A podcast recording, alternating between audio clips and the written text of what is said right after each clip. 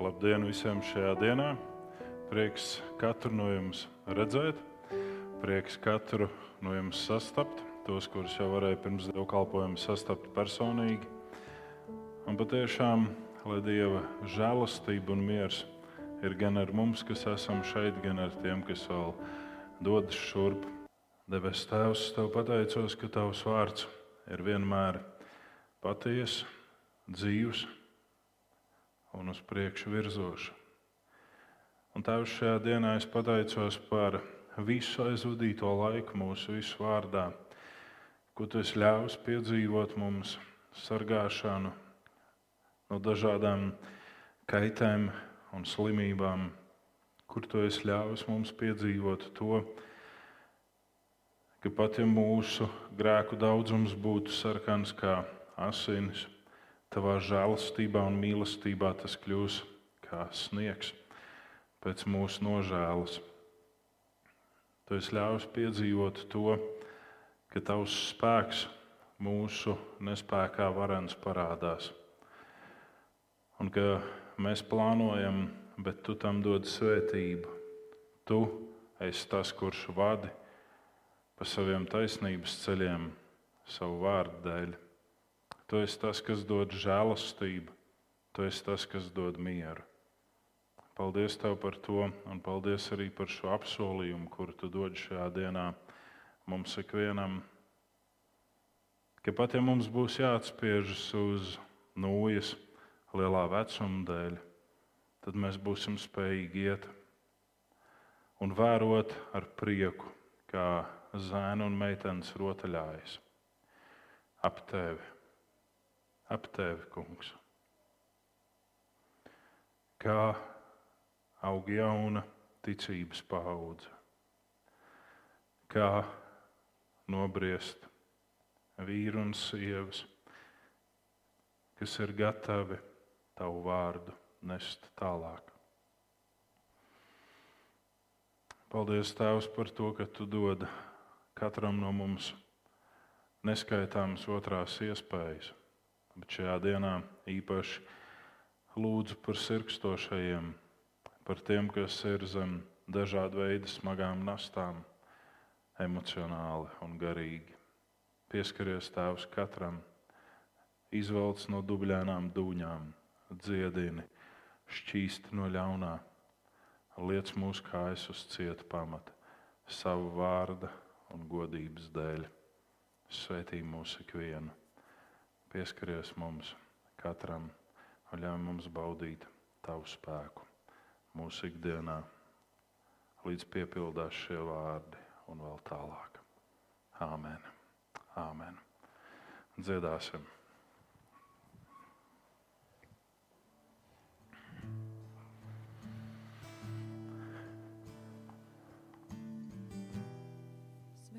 kungs, Dievs, visuma valdnieks, kas dod manai sirdī spēju atšķirt dienu no nakts. Svētīts tu, kungs, Dievs, visuma valdnieks, kas esi radījis mani pēc savas gribas un atbilstoši savam nolūkam. Svētīts tu, kungs, Dievs, visuma valdnieks, kas atver acis akliem. Svētīts tu, kungs, Dievs, visuma valdnieks, kas apģērba kailos, ietēp neapbruņotos Svētīts tu, kungs, Dievs visuma valdniek, kas atbrīvo ieslodzītos. Svētīts tu, kungs, Dievs visuma valdniek, kas iztaisno salīkušos. Svētīts tu, kungs, Dievs visuma valdniek, kas sauzemi pacel pāri ūdeņiem. Svētīts tu, kungs, Dievs visuma valdniek, kas dod man visu nepieciešamo Svētīts tu, kungs, Dievs visuma valdniek, kas virzi cilvēku soļus. Svētīts tu, kungs, Dievs visuma valdniek, kas dod spēku nogurušajiem.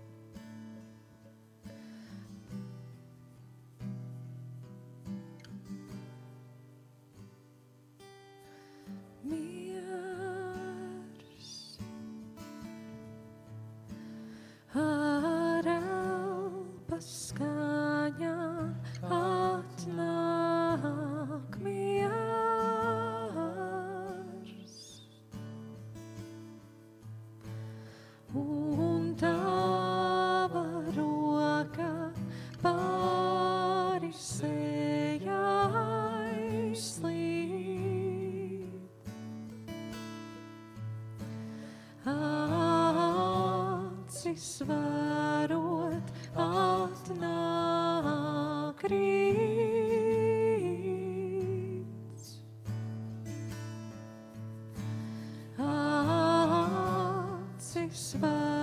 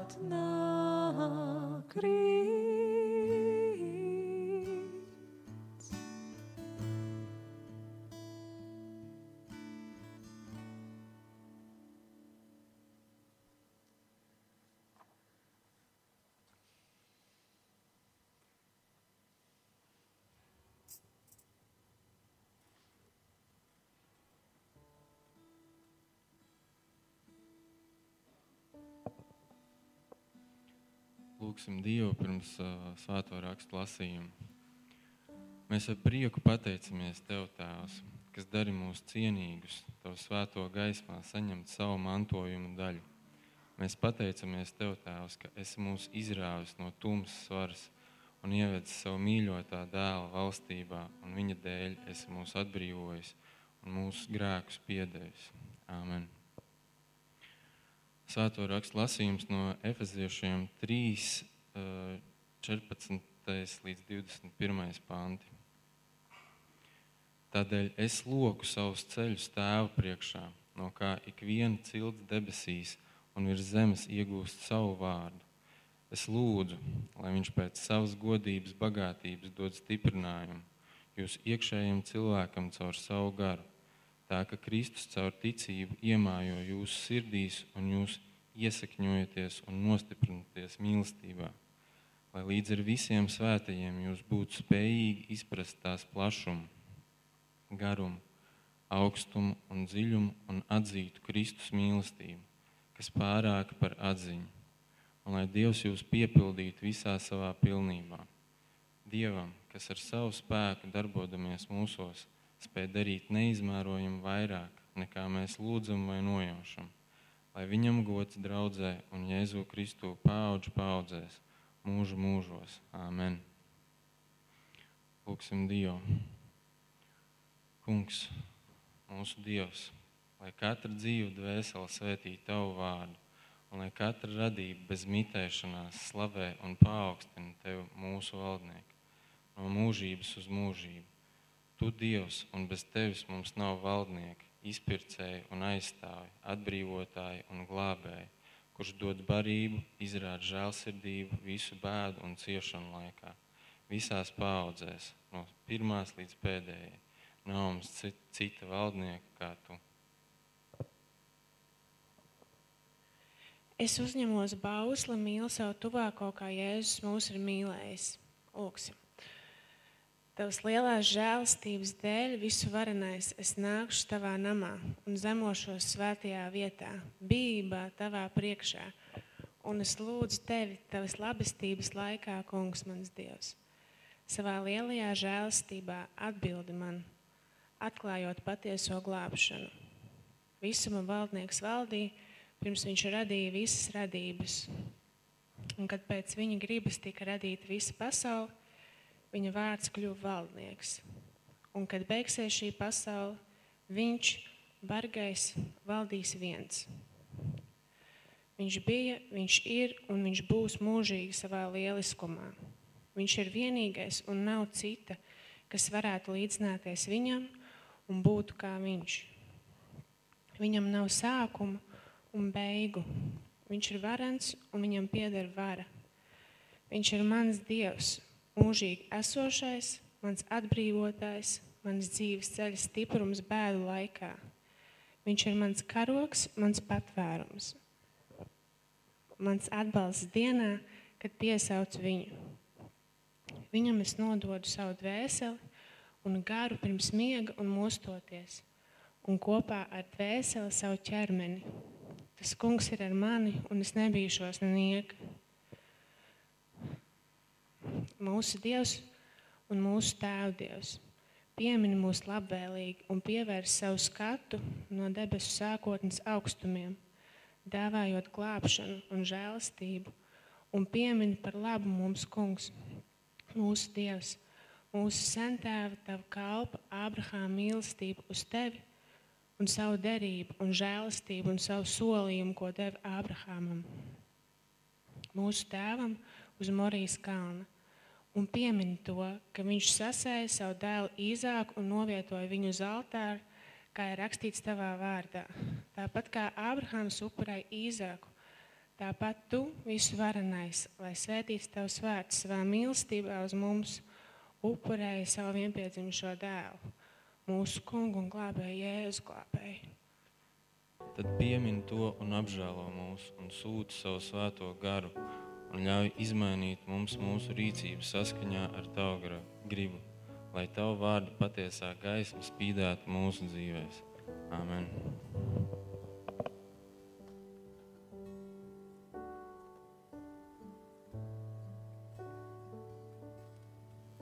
Dievs tēva mīlestību mums caur savu dēlu deva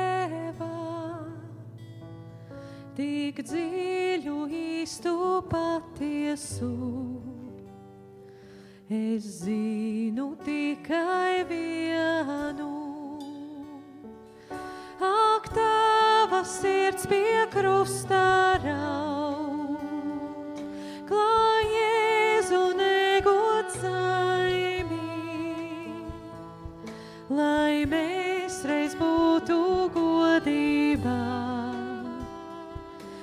Viņš viens cieš visu vainu.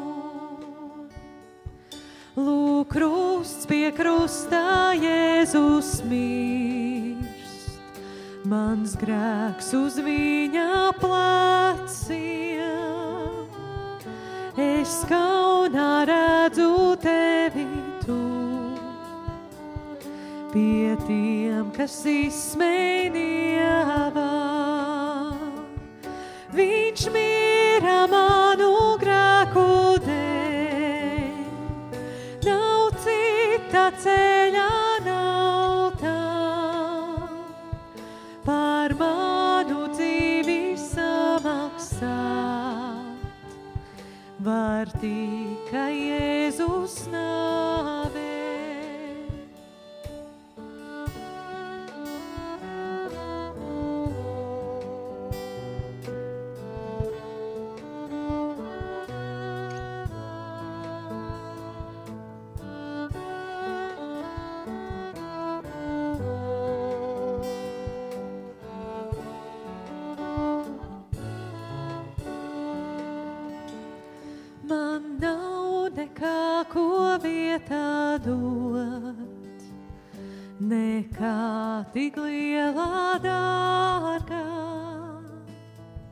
Mans ieguvums ir Jēzus krusts, ar viņu viena dzīvē. Kāpēc tik dārgā samaksā?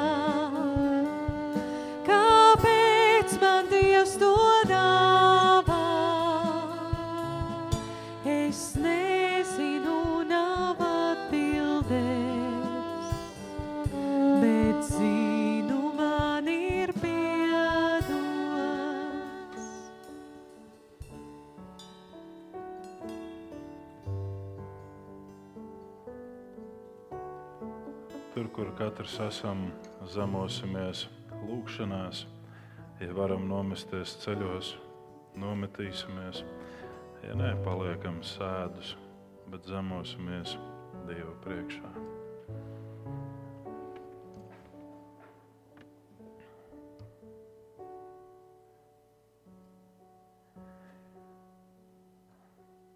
Mums, kungs, nav saprotams, kāpēc tik dārga samaksa. Ar ko mēs esam vērtīgāki par kungu Kristu? Ar ko mēs esam īpašāki par tevi pašu? Kāpēc tev vajadzēja tikt pienaglotam pie krusta?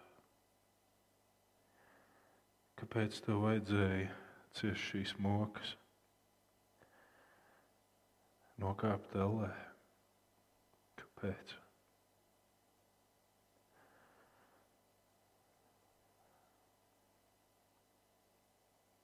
Paldies tev par to, ka tu to esi darījis visu. Mūsu piedošanas, glābšanas, šķīstīšanas, dziedināšanas, atjaunošanas labad. Un piedod tos brīžus, kad mēs to nevērtējam ne par ko. Piedod tos brīžus, kad mēs apzināti neticībā pagriežam tev muguru, atrodot tūkstošiem aizbildinājumu. Piedod to mums, kungs. Šķīstī mūs no ļaunā un uzklausi mūsu lūgšanu. Kad mūsu acis ir pievērstas tev, un mēs saucam mūsu Tēvs debesīs, svētīts lai top tavs vārds, lai nāk tava valstība, tavs prāts, lai notiek kā debesīs, tā arī virs zemes. Mūsu dienascho maizi dod mums šodien, un piedod mums mūsu parādus, kā arī mēs piedodam saviem parādniekiem un neieved mūsu kārdināšanā, bet atpestī mūs no ļaunā, jo tev pieder valstība, spēks un gods mūžīgi mūžos. Āmen. Manu sirdī tu maigi atvēri un dziesmā ieterpi. atbrīvošanu, uzvaru tānas un bailes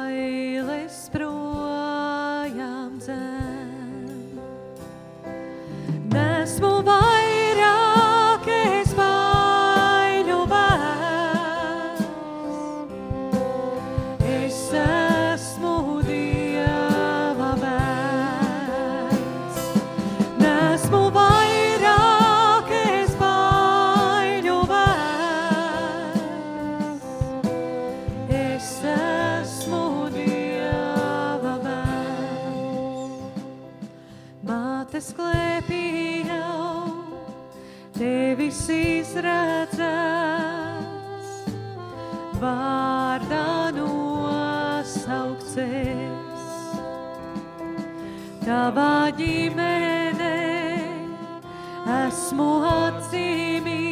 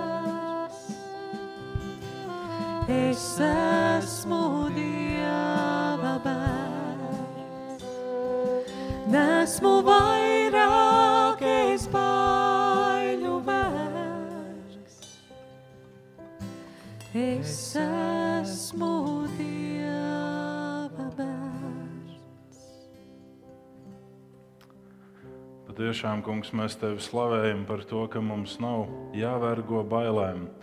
Mums nav jāvergo šai nedrošībai, šai nepārliecinātībai, kas ir cilvēkiem, kuri tevi nepazīst.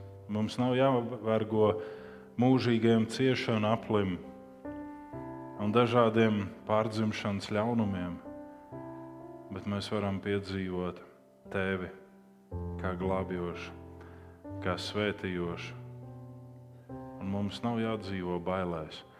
Mums nav jāapliecina, ka tumša nākamība ir mūsu priekšā. Ja nākamībā esi tu, tad tu esi pasaules gaisma. Un ja mēs ejam kopā ar tevi, mēs esam gaismas bērni. Paldies tev par to. Paldies, kungs. Āmen.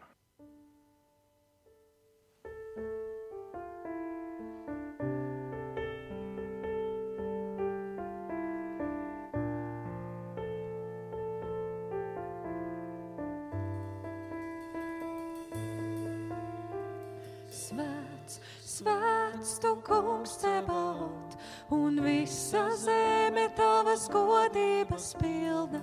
Svēts, svēts tu kungs cebaut, un tava roka kā laži ir stipra.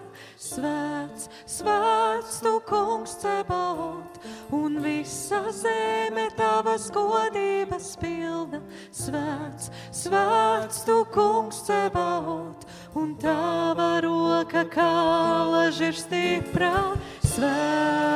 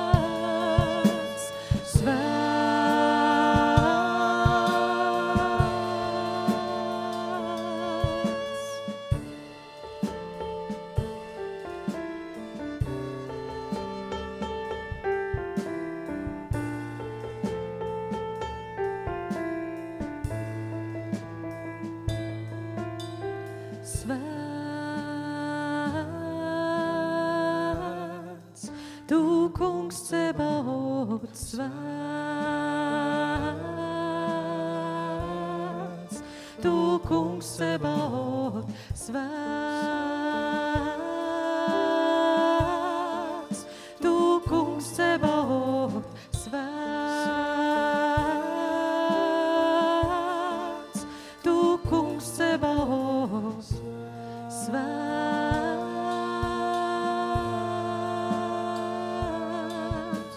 svēts.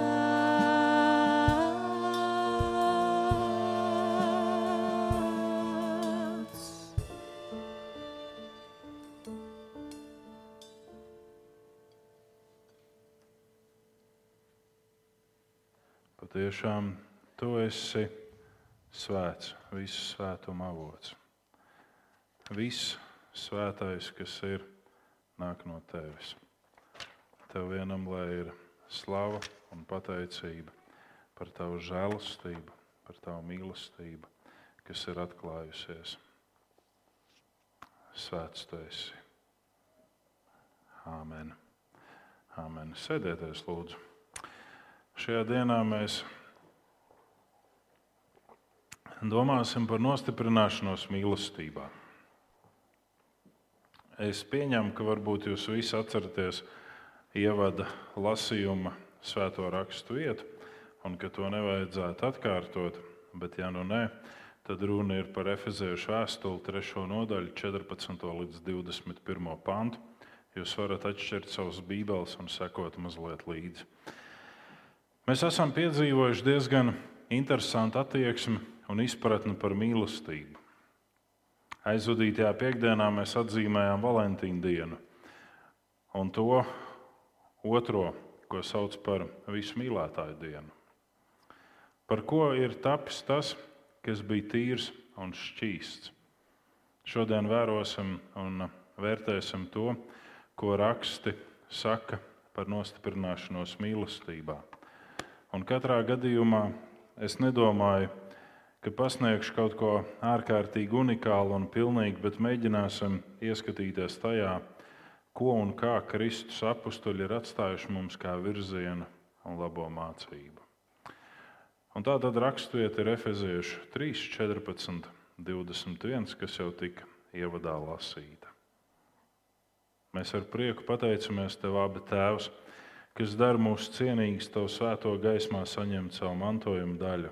Mēs pateicamies Tev, Tēvs, ka esi mūs izrāvis no tumsas varas un ievedis savu mīļotā dēla valstībā. Un viņa dēļ esi mūs atbrīvojis un mums grēkus piedevis. Āmen! Domājot par nostiprināšanos mīlestībā, mēs nevaram paiet secen tam, ka pastāv tāds piedošanas un nepiedošanas faktors. Apustuļi savā laikā, it sevišķi Pēters, jautāja Jēzum, cik reizes man vajadzētu piedot, ja kāds grēko pret mani.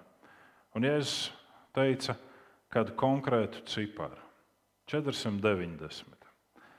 Jo Pēters jautāja, vai septiņas reizes dienā būtu pietiekami.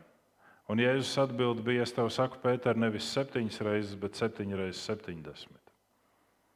Septiņas reizes septiņdesmit, un tad tu nojūgs ciparos un turpinās piedot. Bija kāds vīrs, kurš ļoti nespēja piedot savai sievai to, ka viņa diezgan izšķērdīgi dzīvo. Iespējams tas, bet iespējams, ka jau pirms tam viņš bija tāds kļuvis skopulis. Un viņš vāca naudu, cik tik vien varēja. Un viņa veselība sašķobījās ļoti. Un tad, kad bija sašķobījusies viņa veselība, viņš paaicināja savu sievu, un viņi runāja, un viņi bija ilgi nodzīvojuši kopā. Un, uh, viņš teica sievai, zini, man ir viena man pēdējā vēlēšanās. Tu man pirms laika jautāji, ko es gribētu izteikt savā pēdējā vēlmē. Un viņš teica, tagad es esmu apdomājis, un es tev pateikšu, ko es gribētu. Es zinu, kāda tu esi. Es gribētu, ka tu visu manis sakrāto naudu ieliec man zārkā līdzi.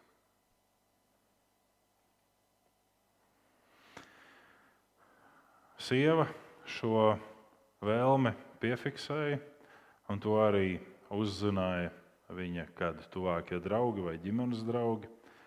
Un atveda ceremonijai beidzoties, viņi jautāja sievai, vai tu patiešām ieliki visu naudu līdzi. Viņa teica, jā, es patiešām ieliku visu naudu. Viņa teica, kas tu muļķēsi? Kāpēc tu ieliki visu naudu? Viņa teica, es neesmu muļķis, uzrakstīju čeku par visu summu un ievietoju šķirstā. Vai līdzīgi nav mūsu dzīvē ar nepiedošanu? Ka mēs sevi uzskatām augstākus par Dievu un nepiedodam daudz tālāk, kā Dievs jau sen ir piedevis. Vai mēs neesam tie, kas nepasniedzam otro iespēju cilvēkiem, kuriem tā ir nepieciešama? Vai mēs nesākam sodīt cilvēkus pirms laika? Un pirmais, ko mēs redzam šajā raksturvietā, pašā, pašā sākumā, 14. pantā un mazliet tālāk, ir pazemība. Ir pazemība. Tādēļ es loku savus ceļus tēvu priekšā, no kā ik viena cilts debesīs un virs zemes iegūst savu vārdu. Šeit ir runa par pazemību, un ar konkrētu pamatojumu šai pazemībai. Mēs gana bieži varam sastapties ar pārliecību, ka šodien ir nevajadzīgi un lieki mesties ceļos Dievu priekšā. Cilvēki ir tik bieži apšaubījuši Dieva esību un dažādā veidā ir devušies prom no tā statusa, ka cilvēkam ir labi būt pazemīgam Dievu priekšā. Sakot, es esmu brīvs, un citi saka, ka Nepieklājīgi ir mesties ceļos. Kāpēc tas ir nepieklājīgi vai nepareizi? Mēs sastopamies ar sātanisku kārdinājumu šajā jautājumā, jo viņš bija tas, kas ēdienas dārzā iedvesa cilvēkam pārliecību, jūs būsiet kā dievi. Dievs neviena priekšā neloka savus ceļus, bet man un tev ir labi būt pazemīgam. Un apustulis Pāvils saka, es loku savus ceļus tēvu priekšā. Un tas nav brīdis, kad mēs dziesmas laikā stāvam un mazliet kniksējam celīšos ritmā. Tā nav šī locīšana. Tas ir brīdis, kad es metos ceļos Dievu priekšā. Un tādējādi apliecinu, ka man ir nepieciešama tava aprūpe, tava tēvišķība pār mani. Un Sātans kārdinot, jau teica, jūs būsiet kā dievi. Jūs būsiet tik paštaisni, ka jums nevajadzēs locīt ceļus neviena priekšā. Tad, kad cilvēks ir izmisumā, viņš ir gatavs darīt jebko. Un viņš ir gatavs arī mesties ceļos. Ja viņam pateiks, ka tas sniegs risinājumu viņa problēmām, viņš metīsies ceļos. Es šodien skatījos kādu nelielu video, kur cilvēki mēģināja kāds konkrēts cilvēks mēģināja uzrunāt 9. klasi skolēnus, atturēties savā dzīvē no smēķēšanas, jo šajā klasē, cik es saprotu, bija ārkārtīgi liels smēķētāju procents. Un šis cilvēks teica tādu piemēru. Viņš teica, ja kāds jums pateiktu, ka tas dara jūs laimīgus, ka jūs graužat savu kāju nagus, jūs taču mēģinātu graust. Jo kāds ir mēģinājis pateikt, ka šīs cigaretes jūs dara laimīgus. Un tieši tas pats ir šajā brīdī, kad mēs skatāmies uz pazemību.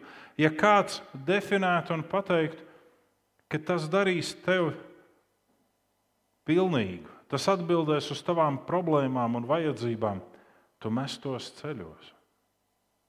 Tu mestos ceļos. Bet tajā brīdī, kad tu vēlēsies būt kā Dievs, un tu zini, ka Dievs nevienu priekšā ceļus neloka, tad tu paliec stāvam stingri. Es nerunāju par tiem brīžiem, kad tev sāp kājas, vai ka tev ir grūtības, bet es runāju par tiem brīžiem, kuros tu principiāli izvēlējies nebūt pazemīgs. Vieglāk ir apsēsties pie galda un uzlikt elkoņus uz galda un lūgt Dievu. Vieglāk ir vēl citas formas pieņemt. Mēs sakām, ceļi sāp. Es katru rītu klausos brīdinājumu, ceļi ir apladojuši. Nevajag sniegā tupēt, neaplados. Vajag nomazgāties. Savā laikā 18. gadsimtā, 19. kad ticīgie Latvijā tika mužniecības vajāti, bija paradoxāls novērojums. Ziemā, tajā laikā ziemā bija sniegi un bija arī augstums krietni lielāks. Ziemā meža kādos ielokos bija atrastas neskaitām daudzuma iedobītas, izkausētas no ceļiem. Kur vajātie ticīgie ir zemojušies Dievu priekšā. Un apustulis Pāvils, kurš varētu pēc savas ticības pārliecības būt vienreiz augstprātīgs, viņš saka, es loku savus ceļus. Un mēs lasām apakstuļu darbos, kur tiek pravietots, ka Pāvils tiks nodots važās, un cietumā un nāvē. Un tur ir teikts, ka viņš ar visu šo svītu, kas bija ap viņu, ar šo draugu, izgāja jūras malā, nometās ceļos un lūdza Dievu. Un mēs lasām apakstuļu darbos pēc uzbrukuma apakstuļiem un ticīgajiem, ko Sinedrijs bija veicis pret viņiem, kāda konkrēta iemesla dēļ. Un šodien, ja mēs skatāmies, kāda ir mūsu strīdi, mūsu strīdi ir par to, vai tu to vārdu pareizi izskaidroji vai nē. Vai tu pareizi tici vai nē, vai tagad vajag celt rokas gaisā vai nevajag celt. Bet tur bija strīds par to, ka viena konkrēta persona bija saņēmusi dziedināšanu, kas 38 gadus bija tīzla bijusi. Tas bija tas strīdus iemesls, ko pārmet Pēterim un Jānim. Un teica, nesludiniet to Jēzu. Teica, turiet mutis ciet par to Jēzu. Un viņi teica, bet mēs nevaram klusēt. Un tad, kad viņi bija nobrā, nobārti, nopērti, viņi aizgāja pie pārējiem apstuļiem Un ko viņi darīja? Nometās ceļos un lūdza Dievu. Un Dievs darīja brīnumainas lietas. Vai tā ir slēptā forma tam, lai Dievs darītu brīnumainas lietas? Es jums teikšu, nē, ceļi nav izšķirošais jautājums. Izšķirošais jautājums ir pazemība, mūsu sirds attieksme. Ceļi ir tikai kā pielikums tam, ka tajā brīdī, ja tu esi no sirds pazemīgs, tu ar patiesu prieku arī nometīsies ceļos, ja vien tev nebūs fiziski traucējumi. Bet tajā brīdī, kad tu esi paštaisns, tev ir grūti noliegt pat savu galvu. Un tādēļ Caharijas grāmatā ir teikts, ka Dievs liks cilvēkam stūrgalvības kupri. Stūrgalvības kuprs rodas tad, kad tu nespēji būt patiesi pazemīgs, arī fizisks.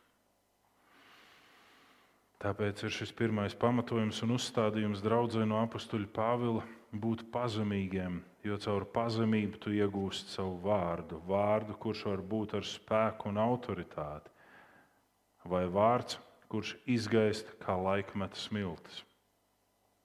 Jo te ir teikts, Lokam ceļu stāv priekšā no kā ik viena cilts debesīs un virs zemes iegūst savu vārdu. Vārds vai nu ar autoritāti, vai arī izgaistoši. Otrā lieta, ko mēs redzam, ir Kristus iemājo. Dieva gars mums ir nepieciešams tā, lai Kristus caur ticību iemājot kur? Sirdī. Patiešām starp tiem diviem priekškambariem un diviem kambariem lielai aortai pa vidu esot, tur var būt vieta arī Jēzum Kristum. Sirds ir sinonīms prātam un domām. Līdz ar to runa nav par muskuli krūtīs, bet gan par domu piepildījumu ar Kristu. Un mēs reizēm, kopš brāļa draugu laika, esam lietojuši izteiksmi, kas ir smagi pārprasta un nepilnīgi pasniegta tālāk. Uzņem Jēzu savā sirdī. Ir fantastiskas apsveikuma kartiņas un bildes, kur Jēzus stāv durvju priekšā un klauvē. Cilvēki ar gadiem un gadu desmitiem virzīti uz Jēzus uzņemšanu savs, savā sirdī, bet ne uz to, lai Jēzus Kristus piepilda domu, pasauli un mūsu prātu mūsu sarunu. Jo prāta sastāvdaļa ir saruna, ir komunikācija. Līdz ar to šī izteiksme nav skaidrota, un cilvēki ir darījuši to, uz ko aicināti, bet tie nav virzījušies uz pilnību. Un par to liecina viņu sekotāji un bērni, kuri nav piepildīti ar Dieva vārdu un likumu, kuri pat nezina, kā cīnīties pretīm kārdināšanām un ļaunumam, un pat nezina to, ka kārdināšanas var un drīkst uzvarēt.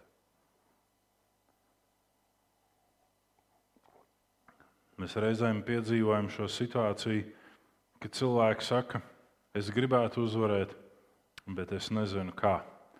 Es gribētu piedot, bet es nezinu, kā.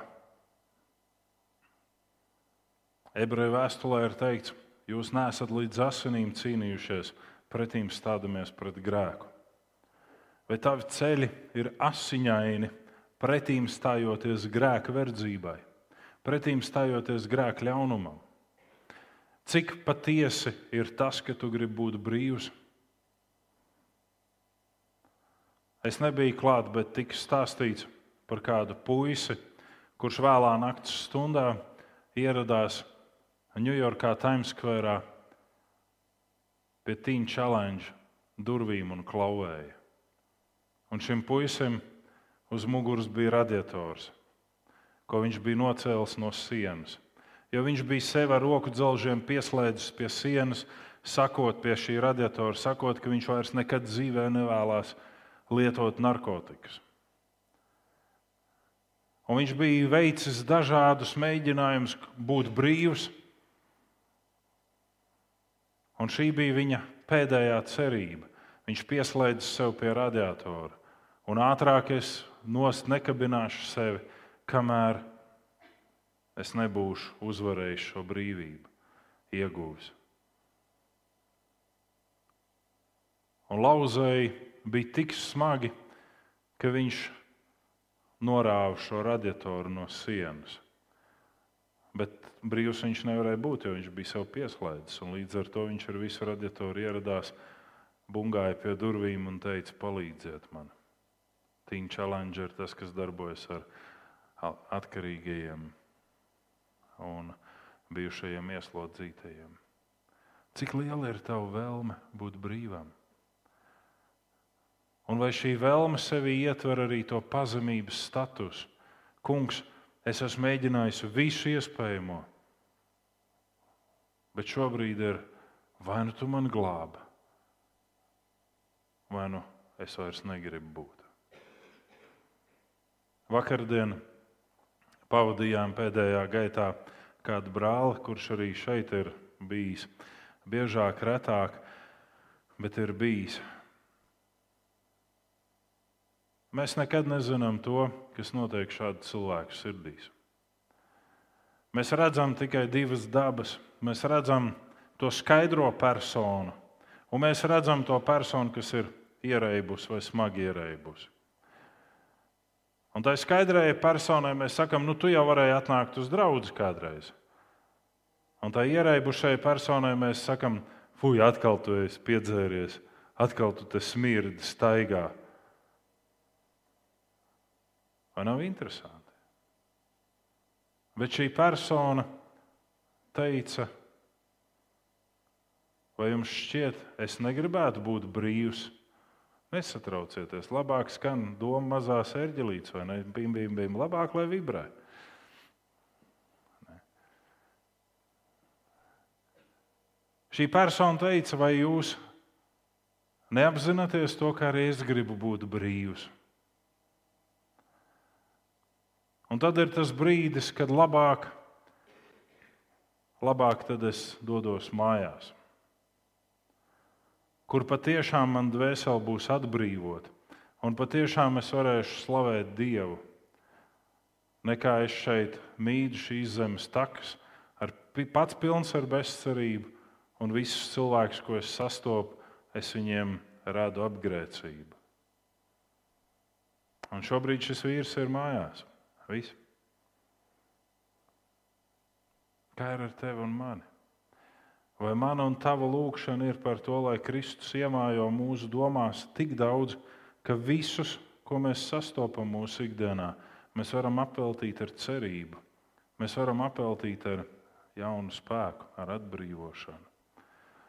Vai mēs esam rūkuma piepildīti? Jūs zinat, ko nozīmē Dieva vārdā teiktā rūktā sakne?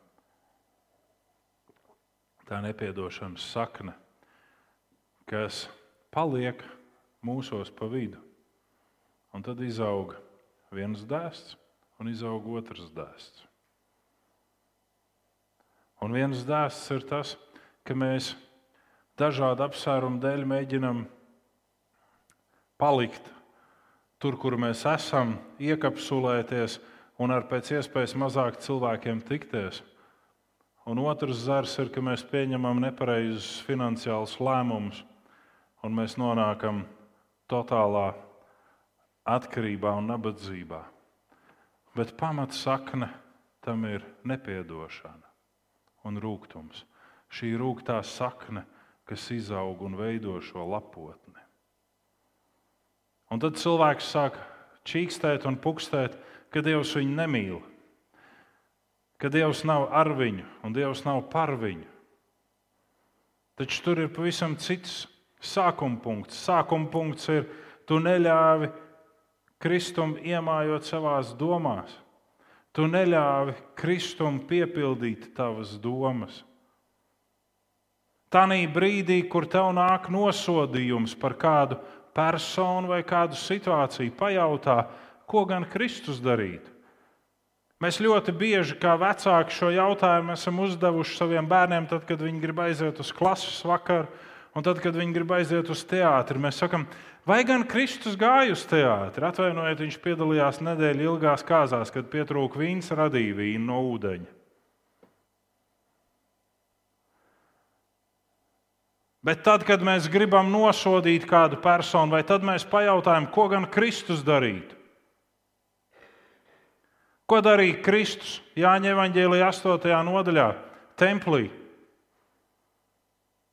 Kad pie viņa agrā rītā atveda šo sievieti, par kuru mēs maz ko zinām. Tikai to, ka viņi bija kaili un pēc dažiem tekstiem viņi bija pieķerti pašā laulības pārkāpšanā. Ko darīja Kristus pie muitinieka caķeja?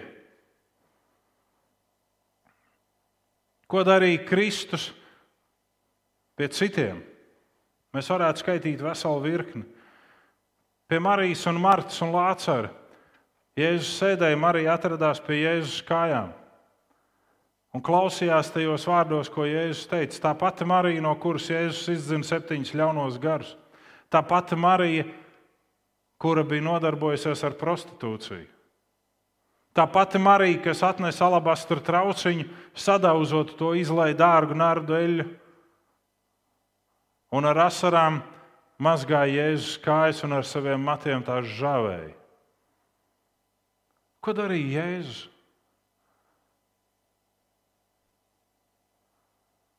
Ko darīja Jēzus tajā brīdī, kad pie krusta bija viņš un katrā pusē pa diviem slepkavām? Nu, divas slepkavas kopā, katrā pusē pa vienam es atvainojos. Ko viņš darīja?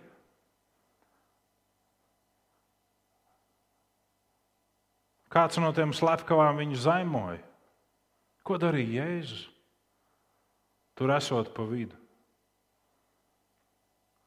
izcēla savu svētumu, teica, jūs pretīgie bandīti un slepkavas, jums pareizi notiek.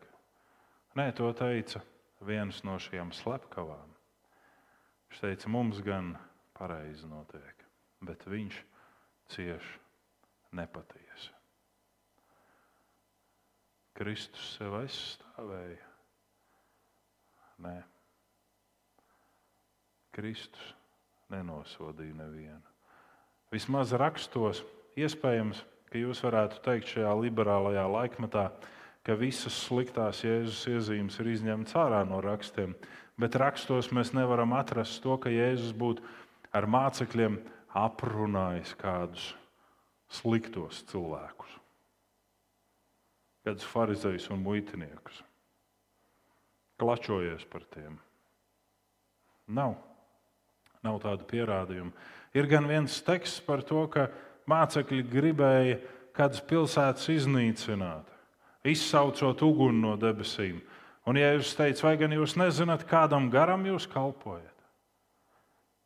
Un tā brīdī, kad mēs veicam šo spriedelēšanu par citām personām, veicam šo nosodījumu pret citām personām. Kā jums šķiet, kas tas ir? Manuprāt, tā ir tā uguns, par kuru runā Jēkabs savā vēstulē, sakot, ka ar mēli tu aizdedzini uguni un nodedzini lielas teritorijas. Un ar mēli tu vari arī svētīt. Ko dari tu ar savu mēlu? Vai tavs prāts ir? savienojies ar tavu mēlu. Tur ir tāda maza saitīte starp prātu un mēlu. Un reizēm prāts ir ļoti piepildīts ar Kristu, bet mēlī runā visādas muļķības. Vai tavs prāts ir savienots ar mēli? Un vai tas viss aparāts ir piepildīts ar Kristu? Ir izveidojies baznīcas žargons, par ko jaunākās paudzes nav informētas bet lieto, jo iepriekšējās paudzes to ir lietojušas, un līdz ar to ir kādas garīgas izteiksmes, bet Kristus nepiepilda cilvēku prātu. Līdz ar Kristu mainās dzīves un domāšanas veids, līdz ar Kristu mainās prioritātes un attieksme. Mēs reizēm sakam, kā tu tā vari. Ne? Tev viss tik labi un garīgi sanāk. Bet, lai garīgi sanāktu un lai labi sanāktu, ir jāveido prioritāšu saraksts. Kas ir tavs prioritāte numur viens un kas ir tavs prioritāte numur divi? Un vai tajā prioritāšu sarakstā kaut kur arī atrodas Dievs, vai Dievs atrodas nu, kaut kur, tad, kad man būs drusku brīvāks laiks? Vai Dievs atrodas tajās prioritātēs brīdī, kad tu stūrē mašīnu? Zināms kilometrus brauc vai ar sabiedrisko transportu veids ceļu uz darbu vai ar kājām, vai tava mēlī ir savienota ar tavu prātu un tu nāc pazemībā Kristus priekšā? Vai tu nododies tam otram spektram? Ar muskuli krūtīs nav saistīta Kristus iemājošana. Tā ir saistīta ar tavu prātu un tikai. Jo neiedomājieties, ka psalmists ir tāds anatoms, spēcīgs, ka viņš savā sirdī pārdomā tā kunga vārdus dienu un nakti. Tad viņam ir kādas īpašas dotības, un viņam ir īpaši smadzenēm apveltīts sirds, kurā viņš var pārdomāt. Bet mēs jau esam runājuši par to kādreiz. Ebreju kultūrā, un Bībele ir ebreju kultūrā rakstīta, ebreju kultūrā cilvēki domā ar sirdi, Dievs slavē ar aknām. Mēs domājam ar galvu, Dievu slavējam ar sirdi. Lūk, arī visu nobīdi. Vienu pēdu zemāk visu.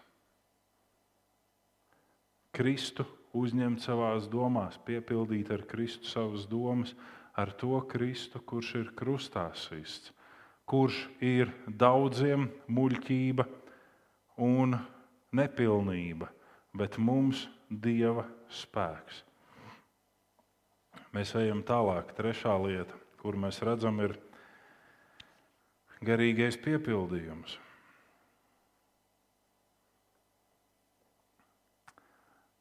Lai Kristus nevis tā rūktā sakne, bet Kristus var iesakņoties. Un lai mūsos var nostiprināties mīlestība. Tas ir tas, ko mēs redzam šajā efeziešu vēstules tekstā. Un tikai tad, lai Dievs jūs piepilda visā savā pilnībā. Mēs negribam, ka mūsos nostiprinās mīlestība, jo kā tautai un kā ticīgajiem mums vismaz ir kāds ducis, kuriem mēs gribētu tās kājas, kas ir bāztas mums ceļā priekšā, atbāzt atpakaļ. Ne? Un, ja jūs teiktu, ka tā nav, pat vesela dziesma ir tāda, ko izpilda Čikāgas piecīši.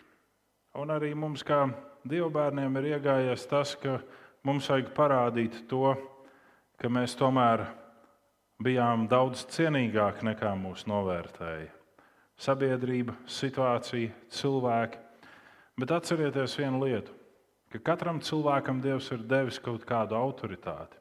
Un, ja tās autoritātes, kas mūs ir novērtējušas ar attiecīgu vērtējumu, vai tas būtu atzīme veidā, algas veidā, dzīvesvietas veidā vai, vai vienalga kā, ir autoritātes, kuras atbild par to. Un, ja viņas nepilnvērtīgi izmanto savu autoritāti, viņas atbild Dievu priekšā par to. Mūsu valdība ir autoritāte, kas atbild Dievu priekšā par lēmumiem, kur mēs sakām, kāpēc ir tā un kāpēc ir pieņemta tāda lēmuma un kāpēc ir tāds stulbums. Un mēs sakām, nevar būt, mums tur ir jādara kaut kas. Un vienīgais, kas mums ir jādara, ir jāizvērtē sevi, vai mēs esam pienācīgi savā attiecībās ar Dievu, un vai mēs galu beigās neesam pelnījuši tādu valdību, kas mūs dīrā. Garīgais piepildījums.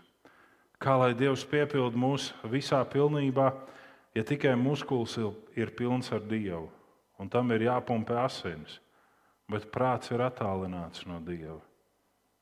Jo lietas risinām mēs ne tā, kā tas būtu tiem, kas seko Kristum, un kas pārvalda Dieva likumu. Un savu dzīvi mēs esam piepildījuši ar rituāliem, bet nav tās mīlestības, par ko ir runāts šajā raksturvietā. Ir dažādi rituāli, ir dažādas lietas, ar kurām mēs esam pildījuši savu dzīvi, bet nav tā mīlestība, tā vienkāršā, tā bērnišķā tā patiesā. Kāpēc tev vajag to, ko tev vajag? Es kādreiz esmu dzirdējis atbildes uz šo jautājumu, lai es varētu labāk kalpot Dievam. Un tad, kad tu saņem to, ko tu esi vēlējies, vai pat tiešām to labāk kalpo Dievam? Vai tevī neieslēdzas tas sindroms, ko latviešu sauc par žabu. Un tad tu aizsedz to, ko tu esi ieguvis un noslēp dziļi un tālu. Lai neviens netiek klāt, un lai neviens neredz, un lai kāds nenoskata un nenoskauž, un, un lai tas ir tikai tavs. Un nedod Dievs, ja kāds uzzinās, ka tev mājās kaut kas tāds ir, vajadzēs vēl vienu atslēgu likt durvīs. Jo var taču uzlauzt. Vai tas, ko tu esi iegūmis savā īpašumā, vai to tu lieto dievam, dievu godam? Un mēs, protams, varam tur sākt ķecerīgi kariķēt šo izteiksmu un teikt, nu, ko tad tu gribi teikt, ka es varu smaržu pudelīti lietot par godu dievam? Ziniet, ticiet vai nē, jā, cilvēkiem nepatīk smaka. Iesmaržojieties, un jūs smaržosiet, un viss būs laimīgi. Nu, nevajag varbūt arī pārliet tas smaržas. Jūs neesat vecā žāda, kurai vajag saliet tonu ar smaržām virsū. Ne? Bet tajā brīdī, kad māsa vai brālis paceļ slavējot Dievu un pārējā rinda nogāžās no tā, kas nāk no padusēm, tad uh, tas kaitē Dievam. Tad labāk ir mazliet iešpricēt tur kādas smaržģīņas. Vai, es ar savām brillēm varu godināt Dievu? Jā, labāk var izlasīt to, kas ir rakstīts rakstos. Neaiziesim galībās.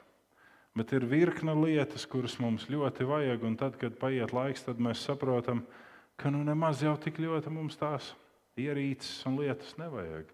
Ka tas ir vairāk bijis mums tāds, nu, tāds kārums. Nu, nu, kārums ir sieriņš, nu, viss ir ļoti labi.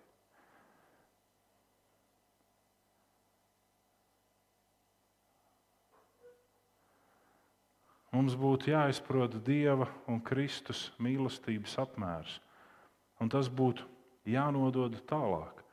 Ja mūsos nav šī izpratne par mīlestību, tad mums ir viegli padoties dažādiem demoniskām varām un ļaunumu valsts valdniekiem, kas Efeziešu 2.1.3 saka, arī jūs bijāt miruši savos pārkāpumos un grēkos, kuros reiz dzīvojāt, pakļauts šīs pasaules varas nesējiem gaisa valsts valdniekam, garam, kas vēl tagad spēcīgi darbojas nepaklausības bērnos. Kopā ar tiem arī mēs visi reiz dzīvojam savas miesas kārībās, ļaudamies miesas un miesas prāta iegribām, pēc savas dabas būdam dievu dusmības bērni, kā visi pārējie. Un tur nav teikts, ka mūs kāds ir pakļāvis. Nu, tur ir teikts, ka mēs paši pakļāvāmies. Mūsu izvēle bija pašiem pakļauties un spēcīgi ļaut darboties mūsos. Ejam tālāk. Mums ir vajadzīgs tas, kas mūs atšķir no šiem spēkiem. Ebreju vēstule 4.12. Tur ir rakstīts, tiešām Dieva vārds ir dzīves un darbīgs un asāks par jebkuru apusgriezīgu zobenu, kas duras cauri līdz sadala dvēseli un garu, locekļus un kaulu smadzenes, un iztiesās sirds, domas un nolūkus.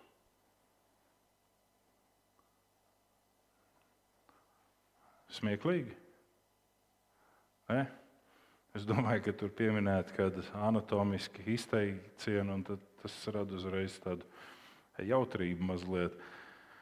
Bet tur ir teikts, ka visu pārdala Dieva vārds divās daļās derīgajā un nederīgajā. Un iztiesā, kas ir derīgs un kas ir nederīgs. Tanī dienā, kad sērga plosījās Izraēla bērnu nometnē, tad Dievs teica, lai Ārons steigā ņem altāru uguni un nostājās starp dzīvajiem un mirušajiem. un sērga apstājās. Vai tu esi ļāvis Dieva vārdam sevi pašu pāršķirt derīgajā un nederīgajā? Un vai caur tavu iestāšanos ir apstājusies sērga tev tuvajos, dažāda veida sērga? dažāda veida sērga? Vai tu esi ļāvis tam, ka Dieva vārds kā apusgriezīgs zobens iedurās tevī? Kurš tevi pārveido? Vai tajā brīdī, kad tu lasi Bībeli, tu saki, ak, jēl, ja brālis šodien šo raksturvietu lasītu, kā tā viņam derētu? Un tā dziesma, ko Aija šodien dziedāja, kā tā bija piemērota tai māsai, kas neieradās šodien. Un cik fantastiski bija tas, jo tas bija paredzēts tam, taču tas nebija ieradies. Bet vai no tā visa kaut kas ir derīgs arī tev? Ja tu esi tik profesionāls kristietis, ka visu tu zini, kam kas ir derīgs, tikai nekas nedara tev. Jo ar tevi jau viss ir kārtībā. Lūk, atbildi, kas mainīs manas domas un kas mainīs manu centrētību ap Kristu. Šis Dieva vārds kā zobens, kas iespiežas manī, kas pāršķir visu un kas ļauj Dievam iztiesāt visu. Cik tālu? Tanī laikā, kad ir rakstīta ebreju vēstule, neviens neko nezina par DNS, neviens neko nezina par cilmes šūnām. Bet šeit ir teikts, ka Dieva vārdam kā zobenam ir jāmaina mans DNS un jādala manas cilmes šūnas no labajām un sliktajām. Kāpēc? Lai mans DNS ar slikto informāciju netiktu nodots tālāk. Lai tālāk var nodot svētu šķīstu informāciju. Pazemība, Kristus kundzība un iemājošana Un garīgais piepildījums ir tas, ko mēs esam redzējuši līdz šim brīdim šajā raksturvietā. Un šobrīd mēs ejam tālāk. Gods Dievam. Gods Dievam ir tas, ar ko noslēdzas visa šī lūkšana, viss šis dziedājums. Pirmkārt, Dievs var, var vai spēj darīt neizmērojami vairāk nekā mēs lūdzam vai nojaušam. Un tad visbeidzot, lai viņam gods draudzē un Jēzu Kristu paudžu paudzēs mūžu mūžos. Gods Dievam, kurš slavē Dievu? Draudzē un draudzes sapulcē. Ja Dievam netiek dots gods visādā veidā, tad tā nav sapulce un draudzene, kas pulcējas par godu Dievam. Varētu teikt vēl skarbāk, bet lai paliek. Ja mēs sanākam kopā un ja netiek dots dievs, dievam gods šeit, mūsu vidū, bet ja notiek kaut kādas koalīcijas, kaut kādas šķelšanās, kaut kādas vienam otru vilkšanas aiz stūra un kaut ko borēšanas un stāstīšanas, tad tas nevairo dievu godu. Ja mums piemīt tā kristīgi kaulainā acs, ar kuru mēs mēdzam noskatīt viens otru, tas nevairo godu Dievam. Un mēs vairs nevaram brīvi slavēt Dievu. Bet mēs esam šeit, lai brīvi slavētu Dievu. 50. psalms, 14. pāns mums māca, ko. Tas tur priekšā neparādīsies. Viss kārtībā, tas ir jāpieraksta tā, ja jūs gribat. Upurē Dievam pateicību. Un upurē tas nozīmē tieši tas brīdis, uz kuru Katrīnai lūkšanā aizlūza balss. Kā Ābrahāms upurēja īzāku, tā tu kungs upurēja Kristu. Vai tas bija ļoti vienkārši? Nē. Ja man šajā dienā būtu vienalga, kura jūsu labad jāziedo viens no maniem bērniem, tad labāk es stājos viņu vietā.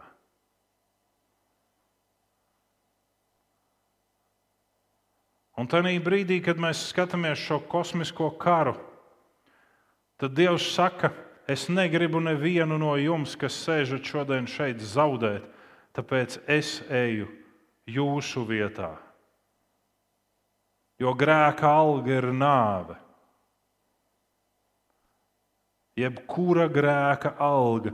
Vienalga, vai tā ir tā grēka alga, kas man ārkārtīgi riebjās, ka tas brālis vai tā māsa ir izdarījis šo grēku, vai tas ir tas grēks, ka man riebjās. Nav starpība, kura grēka. Katra grēka alga ir nāve. Romiešiem 3,23 un Romiešiem 6,23 to saka. Nav starpība. Bet, kad mēs sanākam kopā, vai mūsos ir Kristus mīlestība, kas uzvar šo grēku vienā, otrā, trešajā pagātnes gājumā, un vai mēs ar mīlestību pieņemam viens otru. Kolosiešu 3.17. Un visu, ko vien jūs darat vārdos vai darbos, visu dariet Kunga Kristus vārdā, caur viņu pateikdamies Dievam Tēvam. Visu. Tad, kad jūs pēc dievkalpojuma sasveicināties viens ar otru, tad padomājiet par to, ja jūs izvairaties no kādas personas, vai tas ir Kunga Kristus vārdā. Un, ja kādu personu jūs esat gatavi ar savu ekstrā mīlestību nogāzt no kājām un salauzt tai ceļus, kā jūs ļoti mīlat šo personu, vai tas ir Kunga Kristus vārdā? Vai tas nav tādēļ, ka jūs gribat no vienas personas izvairīties un otrai pieķerties? Vai tad, kad mēs sastopamies pirms dievkalpojuma, un vienam mēs smaidām, un otram mēs rādām zibeņus caur acīm, vai tas ir Kunga Kristus vārdā? Vai tas, kad mēs norādām ar pirkstiem uz citām personām, ir Kunga Kristus vārdā? Vai tas, ka mēs sakām tam brālim vai tai māsai, tas notika tādēļ, ka ir Kunga Kristus vārdā, vai Kungs Kristus atklāja, ka viņam vai viņai notika tādēļ, ka. Jeb tā ir mūsu interpretācija tam, ka lūk, kāds netika ar kaut ko galā. Un tādēļ viņam notika tas vai šis. Protams, ka katrai personai, kurai kaut kas ir noticis, ir jāizvērtē šis faktors, kāpēc ar mani notika tā. Varbūt patiešām es esmu Dievam kaut ko darījis netīkam. Bet mums, kā apkārtējiem, nebūtu tiesības sākt lielo izmeklēšanu mums būtu tiesības tajā brīdī, kad brālis vai māsa grēko, iet pie viņa vai viņas un teikt, tu stāvi uz bīstama ceļa. Tu stāvi uz ceļa, kas veda prom no Dieva. Tu stāvi uz ceļa, kas tevi attālina no godības. Bet mums tam trūks spēks. Mums vairāk pietiek spēks norādīt ar pirkstiem. Ja ģimenē netiek dots gods dievam caur viņa vārdu un likumu,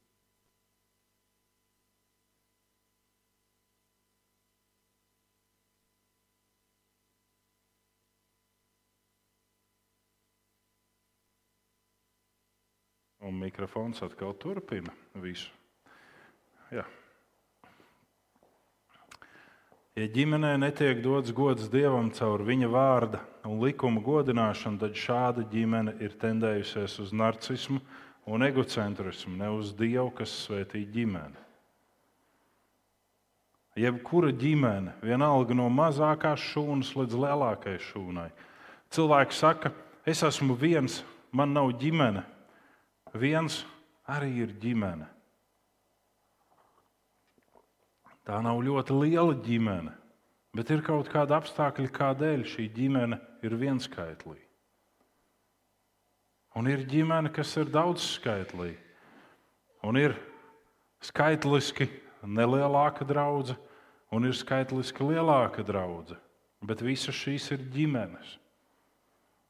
Un, ja Dieva vārds un likums netiek godināts, tad jebkura no šīm ģimenēm ir tendējusies uz narcismu, egocentrismu Ne uz to, kas svētī ģimeni, ne uz Dievu. Efeziešu vēstules 6. nodaļa, 6, 7 un 8. Neesiet tādi, kas kalpo tikai acu priekšā, gribēdam izpatikt cilvēkiem, bet kā Kristus kalpi, pildiet, pildīdami Dievu gribu no sirds, labprātīgi kalpodam. Jūs kalposiet nevis cilvēkiem, bet kungam, zinādam, ka ik viens, kas dara labu, saņems to pašu pretīm no kunga, vai vergs, vai brīvais. Ik viens. Neesiet tādi, kas grib izdabāt acu priekšā. Neesiet tādi, kas smaida acu priekšā. Jā, varbūt tādēļ, ka jūs kādreiz pasakāt skarbu vārdu savā darba vietā vai savā ikdienas gājumā, cilvēki var novērsties no jums uz kaut kādu brīdi. Bet vai tādēļ labāk melot, lai nenovērstos no manis? Ilgstoši medicīnā bija pieņemts, ka nedrīkst teikt pareizās diagnozes. Un cilvēki nezināja to, ka viņi dodas prom. Un kādā situācijā man teica, nu, mācītāji, mēs jūs gribētu pasaukt pie tās slimnīcas, bet tas jau viņai radīs šoku uzreiz. Viņa domās, ka viņa mirst. Nu, kad tad atnācis mācītājs? Bet varbūt ir veselīgi arī pateikt tam cilvēkam, kurš stāv uz šīm robežu līnijas daļām, draugs, apkop savu namu. Tieši to, ko Iesai pravietis teica ķēniņam Hiskijam, 38. nodaļā iesaistīts grāmatā. Apkop savu namu, jo tu mirsi un nekļūsi vesels. Apkop savu namu, rīt tava dzīve var izbeigties, vai tu esi gatavs sastapties ar Dievu. Šie vārdi nevienam nepatīk, bet šeit ir teikts, neesiet tādi, kas kalpo tikai acu priekšā un niezina ausis, bet esiet tādi kā Kristus kalpi ar patiesības nostāju. Kas ir patiesības nostāja? Mēs jau varam atkāpties atpakaļ. Pazemība, doma piepildījums ar Kristu? Garīgais piepildījums, ko dod Dievs, šis pilnīgais piepildījums un šī patiesā mīlestība, kas dod godu Dievam. Ja persona nepazemojas Dievu priekšā un neupurē pateicību, tad šāda persona ir aizmaldījusies tālu no dzīves patiesības un ir nodevusies pašizgudrojumiem. Ja persona nepazemojas Dievu priekšā un neupurē pateicību, upurēt pateicību tas nozīmē arī tad, kad negribās pateikties Dievam, viņam pateikties. Arī tad, kad šķiet, ka nav par ko pateikties, pateikties. Arī tad, kad gribās kaut ko citu teikt Dievam, pateikties. Arī tad, kad gribās čīkstēt Dievu priekšā un teikt, kā man nesaprot, pateikties. Man ir jautājums, tad, kad tu ar savu dzīvi un ar savu runu dod liecību par savu ticības iemeslu, vai cilvēks zina, ka tu Kristum kalpo? Starp maniem vecākiem kādreiz bija noruna.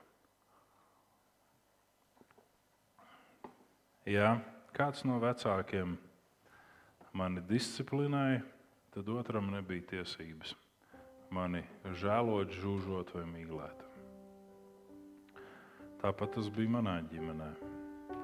Ja es disciplinēju bērnus, un tā kā es pēc skata esmu briesmīgākais, tad man sanāca vairāk viņus disciplinēt tad mans uzdevums bija ne tikai viņus disciplinēt, bet pēc disciplinēšanas pārunāt ar viņiem šo disciplinēšanas iemeslu, lūgt Dievu un samīļot vienam otru. Kāpēc? Tāpēc, ka rodas nepatiesa bilde bērna acīs pretēji. Sanāk, ka tēvs vienmēr ir tas bargais, ja citā ģimenē varbūt mamma vienmēr ir tā bargā. Un tētis ir tas maigais, kas saka, nu varbūt jau nevajadzēja tik dikti. Ne? Un tas pats ir brīdī, kad draudzē mēs saņemam kādu disciplināru aizrādījumu vai piezīmi, ka mēs par šīm lietām ejam un runājam pasaulē. Un stāstam, cik slikti tā draudzene pret mani attiecās. Bet varbūt tu pats biji slikts un pārkāpi vienošanos, jeb noteikumus. Neviens ar varu netiek rauts šajā draudzē. Es nezinu, varbūt Edvards šodien ar varu kādus rauj iekšā, atrodoties pie durvīm un pirmīt artis. Bet vispār ar varu neviens te netiek rauts iekšā. Un nevienam ar varu netiek teikts, nāc un esi šīs draudzes daļa. Bet, ja tu esi šīs draudzes daļa, tad ir pienākuma un atbildība. Un, ja tu pārkāp kaut ko no šī visa un saņem kādu disciplināru um, aizrādījumu, tad tas nav tā vērts, lai ietu stāstīt citiem, cik tie cilvēki tur baznīcā bija slikti pret mani. Bet tas ir tādēļ, lai izmeklētu sevi un nenonāktu lielākā sodā. Un Ja persona nespēja pazemoties Dievu priekšā un upurēt pateicību, šī persona ir aizmaldījusies. 1. korintiešu 10.31. Tādēļ, vai ēdat, vai dzerat, vai ko citu darat, visu dariet kungam par godu. Tādēļ, jebko, ko tu dari, arī tad, kad tu dusmojies, un tad, kad tu sit klačiņu par kādu citu, Dari to kungam par godu. Vari? Nevari, tad nedari to. Ja tu nevari to darīt dievam par godu, tad nedari to. Skarbi, bet tā tas ir. Te ir teikts visu. Tad, kad es ēdu, un es redzu, agapas mīlestības laikā, ka kāds varbūt stāv kautrīgi maliņā, tad mans uzdevums ir nevis padomāt par to, vai es dabūšu paēst, bet vai viņš dabūs, vai viņa paēst. Visu, ko tu dari, dari Dievam par godu. Tad, kad mēs dzīvojam savu dzīvi, mūsu tendencei būtu jābūt domāt par citiem.